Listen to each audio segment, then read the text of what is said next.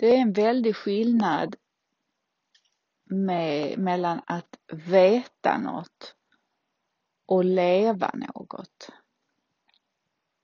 Jag kan vara så påläst och ha läst alla böcker och intellektuellt så vet jag och konceptuellt så vet jag och jag har tittat på massor med eh, videos, alltså inspelningsutbildningar och allt möjligt och jag kan ha så klart för mig intellektuellt.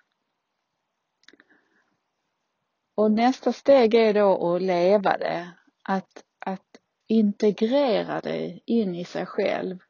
Först då blir det mitt, det blir Eh, jag kallar det för direkt kunskap. När jag direkt upplever det, jag vet det därför att jag har egen eh, erfarenheter av det. Alltså jag vet det utifrån min egen erfarenhet, inte för att jag har läst någon annans teori om detta som jag köper in på. Så, jag vet det för att jag har en egen erfarenhet och upplevelse av det. Och när jag kan börja prata och agera ifrån det stället så blir det mycket, mycket mer förankrat i mig och jag får en helt annan eh, utstrålning till min omgivning och blir mer trovärdig också. Och, och framförallt är det ju att mitt beteende börjar förändras, jag börjar mogna, det börjar hända någonting i mig, jag börjar liksom sjunka ner i min kropp.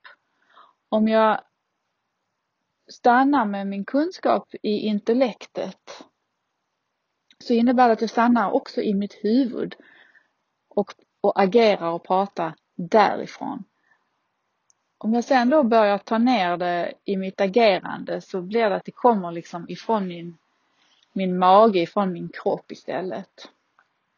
Till exempel om du ska övningsköra lära dig köra bil så läser du på teorin och du går utbildningar och så vidare och du kanske liksom vet hur man ska göra eh, väldigt väl. Men inte förrän du kommer i, i bilen som det börjar integreras i dig och att du till sist då kan köra bil och prata och göra andra saker samtidigt. Det där har ju de flesta av oss en erfarenhet. Ett annat klassiskt exempel är ju sexualundervisning att eh, du lär dig i skolan eller vad du nu lär dig rent eh, intellektuellt om eh, sexualitet och sexuella upplevelser. Och det är ju inte förrän du själv hamnar på riktigt i en sån situation som du vet hur du själv reagerar, hur, du, hur din upplevelse är, hur känns det, vad är din erfarenhet av det, av det här. Det är först då du kan börja eh, prata om det utifrån dig själv innan dess så, så vet du utifrån vad andra har berättat för dig eller vad du läst dig till. Jag möter en del individer som är väldigt fascinerade och eh, entusiastiska i det, för det empatiska ledarskapet och pratar utifrån eh, det stället. Och sen märker jag att, eh, att det är inte förankrat i dem. Eh, de är väldigt pålästa och har liksom stannat i intellektet. De vet till exempel och pratar om att sårbarhet är viktigt. Men sen när det kommer till att själv vara sårbar, då är det väldigt stort eh, motstånd. Och för att verkligen göra sin resa, göra sin inre MBA fullt ut och, och vara en empatisk ledare fullt ut så behöver jag börja vara den som jag kan vara helt enkelt. Och det innebär att jag behöver känna, om jag tar exemplet då sårbarhet, om jag upplever motstånd till att visa upp mig precis så som det är vi säger att det är i ett eh, möte på jobbet. Vi säger att det är ledningsgruppen på jobbet. Att jag kanske känner mig ledsen. Jag kanske känner mig orolig. Jag kanske känner mig rädd för någonting. Att då berätta det och visa det och känna det samtidigt. Att just nu sitter jag här och jag känner mig väldigt orolig för det vi pratar om här nu. Jag behöver kanske då att man behöver mer tid för att reflektera kring detta eller jag behöver förstå mer eller vad det är. Och så länge som jag inte delar med mig av hur det är inom mig så vis, håller jag ju upp en fasad och det är den här fasaden som hindrar genuin kontakt mellan oss människor. Och jag vet att det är en resa att göra för de flesta av oss att släppa den här fasaden. Den har ju suttit där så länge som så gammal som du är. Den fasaden byggdes ju upp um, Eh, nästan direkt efter vår födelse så började den fasaden att byggas upp. Och att då börja vända blicken och, och fokus in i mig själv istället för att läsa ännu en bok eller gå ännu en utbildning eller någonting. Att stanna upp och börja känna hur har jag det inom mig? Och för de som är väldigt avstängda inuti, som inte har den här kontakten redan med sig själva, så brukar jag börja med att fråga i mina coachingsamtal då, om de kan känna hunger. Och vissa individer eh, känner inte sin hunger. De känner inte när de är mätta. Utan äter för att klockan är lunchdags. Eller äter frukost för att det är det man gör och så vidare. Och äter så mycket som det finns på tallriken eller sådär. Alltså att börja, om, om det är så för dig som lyssnar på detta nu att, eh, att du har inte så mycket kontakt inom med dig själv, hur det känns i din kropp, så är det är att jobba med hungern Det är ett väldigt bra sätt att börja på.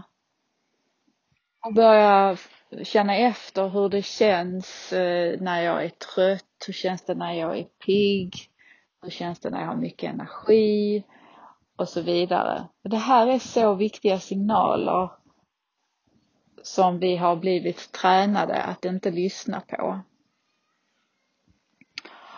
Och att börja ta plats eh, i våra liv, att börja be om det vi behöver, att börja säga nej, jag vill inte eller nej, jag hinner inte det eller du kan få det om två veckor, är det okej? Okay? Att vi börjar sätta sunda, hälsosamma gränser runt oss själva och i ömsesidighet med vår omgivning.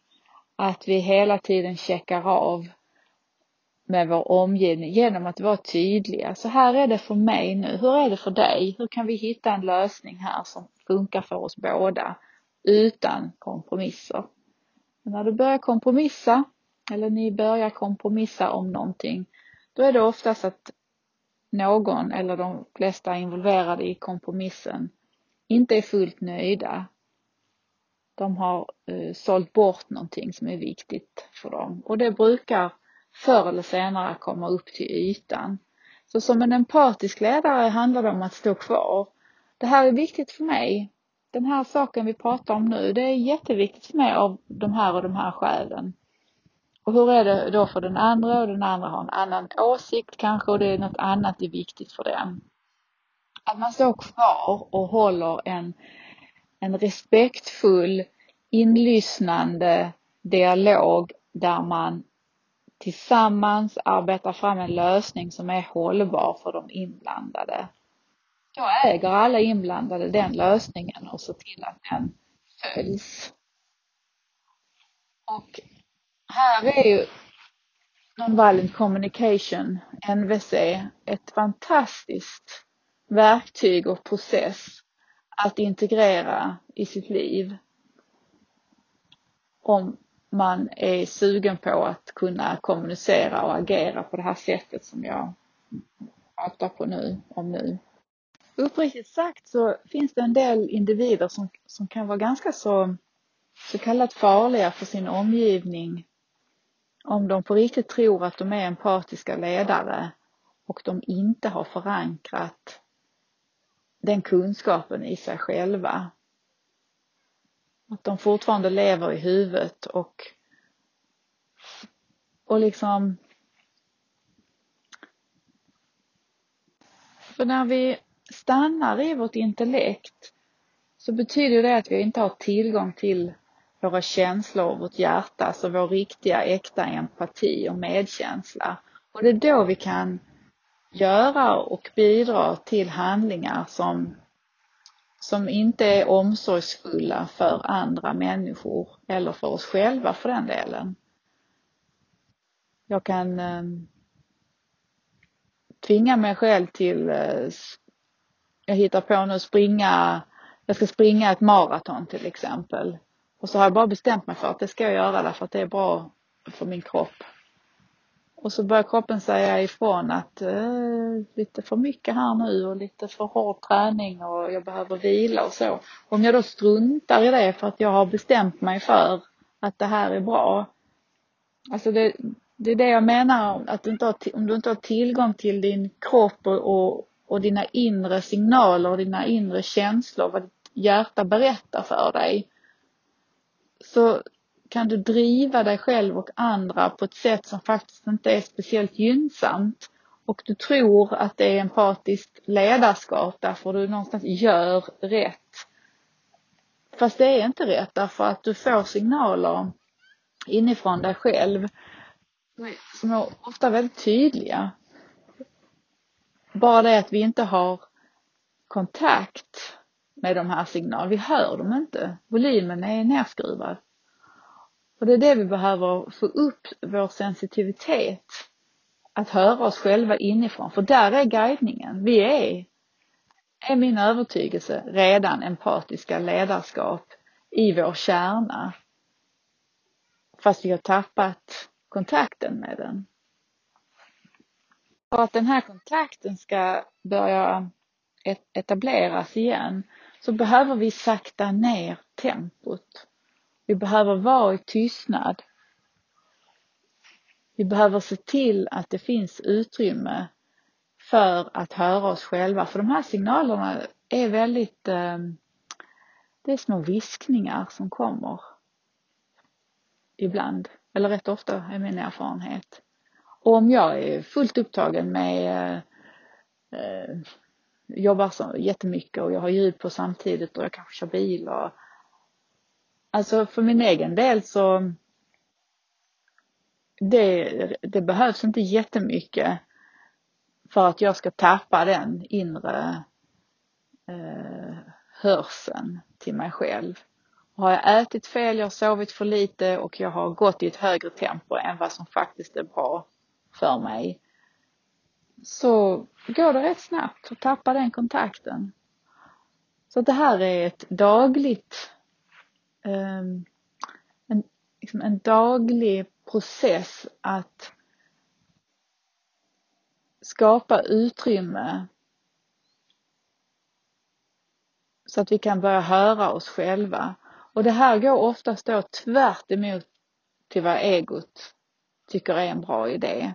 Och är du en högpresterare med mycket kapacitet så det jag säger nu är väldigt oattraktivt. Det är väldigt ointressant att byta ut löparrundan till exempel till att börja meditera. Eller att du hittar på nya projekt som du måste göra på jobbet eller hemma. För att hela tiden sätta dig i, i sysselsättning så att, så att du eh, inte stannar upp. Och varför vi inte stannar upp, det är det som är så intressant. Det är för att då börjar vi höra oss själva. Då börjar det komma saker inifrån som kan vara ganska obehagliga, som kan vara ganska svåra att känna och vara med. Och det är de här jobbiga känslorna som vi, som vi faktiskt behöver ta emot och känna fullt ut för att de ska släppa greppet om oss. Och så länge som vi inte vill göra det så måste vi springa och hålla oss aktiva och ha ljud på och nya projekt och läsa den ena boken efter den andra och den nya resan efter den andra och så vidare och jobba lite till, några e-mail till. Det är liksom egots eh, ekorrhjul, hela det. Och för den eh, empatiska ledaren som gör sin resa fullt ut, då har man hoppat av det ekorrhjulet. Och det är egohjulet.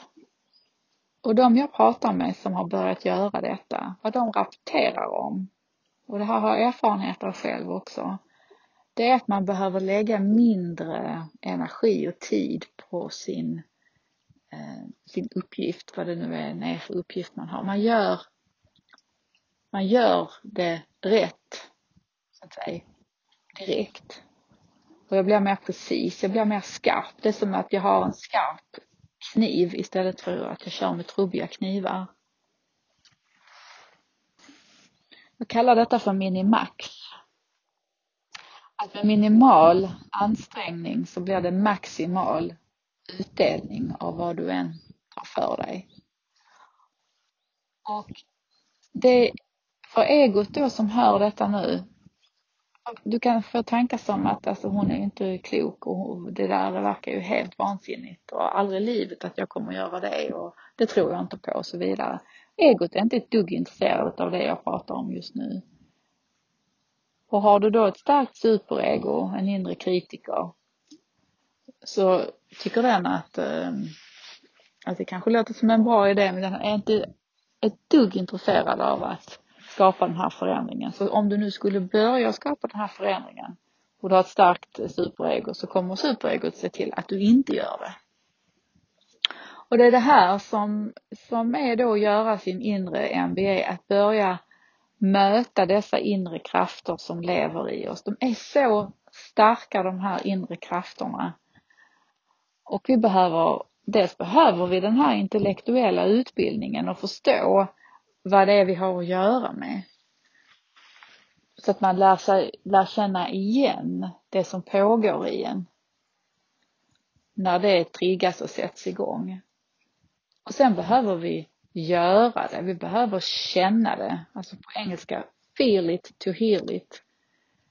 Det, det är eh, det som är vägen, det är min egen erfarenhet. Och när jag kan var med vad det än som uppstår i mig så är jag ju fri. Och de flesta av oss spenderar våra liv med att fly ifrån det som finns inom oss. Att slippa känna gamla, jobbiga, svåra känslor. Och om jag slipper ägna mig åt att fly från detta så kan jag ju vara här nu och leva det liv som jag faktiskt vill. Att ägna sitt liv åt att fly från sig själv, det kostar väldigt mycket pengar för, det, för många. Ja, det är inte speciellt hälsosamt för de flesta. Jag kanske mm, gör saker som jag faktiskt inte vill. Och sen när jag börjar bli äldre och det här, jag börjar förstå detta på ett annat sätt så kan jag bli ganska sorgsen att jag har sprungit ifrån mig själv i hela mitt liv. Att jag har gjort saker som jag faktiskt inte vill. Jag har haft ett ego och ett superego som har drivit mig till att göra saker för att få uppskattning av andra till exempel. För att eh, synas i världen. För att Eh, mina barn ska tycka om mig, för att mina föräldrar ska tycka om mig. Och det här är så djupa dolda krafter så att det, de flesta känner inte till att det är det som är kärnan i egots drivkraft. Att jag kanske inte känner mig älskad, jag känner mig inte värdefull. Jag upplever att det är fel på mig. Jag, eh, jag måste göra för att annars eh, har jag inget värde om jag inte, jag är the doer i världen. Om jag inte gör så har jag inget värde. Eller för andra så är det att jag behöver veta och vara väldigt påläst. Då får jag lov att finnas här.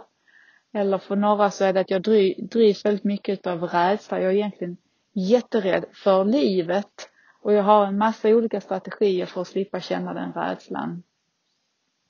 Eller så är jag en sån som tycker att livet eh, Eh, erbjuder ett enda stort smörgåsbord och att jag behöver smaka på precis allting och jag har ingen ände på det. Jag bara springer, springer, springer och måste ha mer och mer och mer och mer och mer. Eller så kanske jag är innerst inne en sån som upplever att andra är hotfulla, de vill mig illa. Så därför är det bättre att jag eh, slår ifrån först. Jag möter livet med, som om andra ska bråka med mig, så att då, då bråkar jag först. Ehm, eller så är jag, kanske jag drivs av att jag behöver hjälpa andra. Och egentligen är det en hjälplöshet som ligger i botten där, att jag upplever mig som hjälplös. Men jag har hittat en strategi att, att jag ska hjälp, hjälpa andra, för då eh, får jag upplever jag att jag har bidragit och de andra tycker om mig. Så jag kanske spenderar hela mitt liv att finnas till för andra hela tiden och så glömmer jag bort mig själv. Och jag gör väldigt lite för min egen del. Och skulle jag göra någonting för mig så kanske det väcker enormt dåligt samvete och skuld. Och så klarar jag inte av att känna den skulden och, och, och det dåliga samvetet. Och så är jag igång igen. Så det gäller att bryta den eh, det det mönstret. Och det här är jättesvårt att göra på egen hand.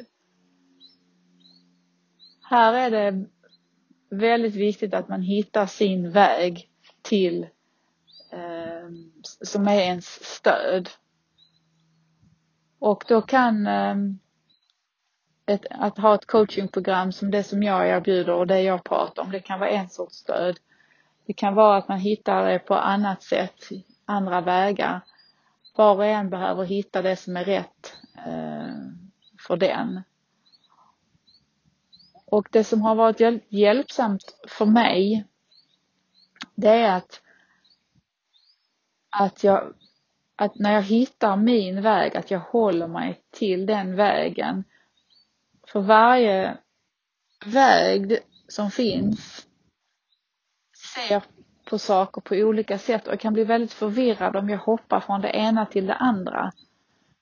Om jag till exempel har börjat med yoga säger vi, så finns det ju väldigt många olika yoga eh, metoder och stilar och, och alla är förmodligen bra fast de är olika och där behöver man hitta det som funkar för en själv. Men de har liksom olika då synsätt och teorier om det och man kan bli väldigt förvirrad om man hoppa runt för mycket.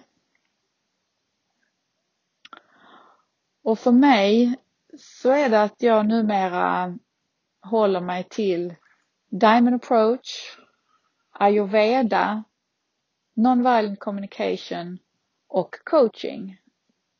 Jag har kommit fram till att det är de fyra vägarna för mig som resonerar med mig och tillsammans så blir de ett väldigt bra eh, ramverk och stöd för mig och de, de, de liksom eh, talar samma språk. Och, och när jag har av, börjat avstå ifrån andra influenser som, som säkert också är, inte bara säkert också är bra, jag vet att de är bra. Fast det blir liksom för splittrat. Det, det hjälper inte mig, har jag märkt. Så sen jag började förstå att det här är det här är min väg, de här fyra, så har det gjort livet lättare eh, för mig.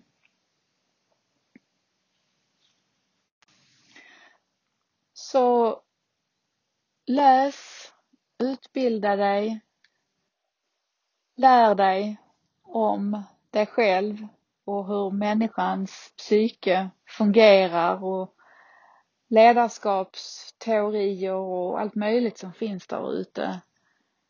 Och eh, förankra det på riktigt. Inte bara som en idé i huvudet och du försöker efterleva någonting som du har lärt dig rent intellektuellt utan gör ditt yttersta. Det är min rekommendation, min varmaste rekommendation till dig. Att möta din, det som lever i dig och, och, och liksom smält all din kunskap ner i kroppen. Det här låter lite flummigt nu kanske. Jag hittar inte riktigt orden märker jag.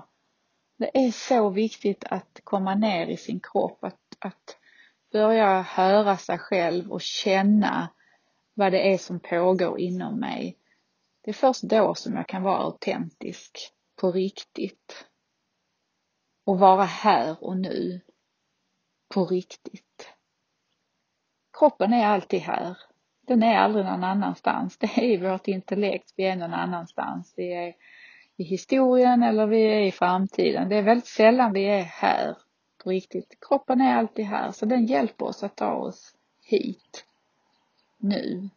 Och ju mer vi kan vara här och nu i det som faktiskt pågår här och nu, desto mer kraftfulla blir vi i vårt empatiska ledarskap.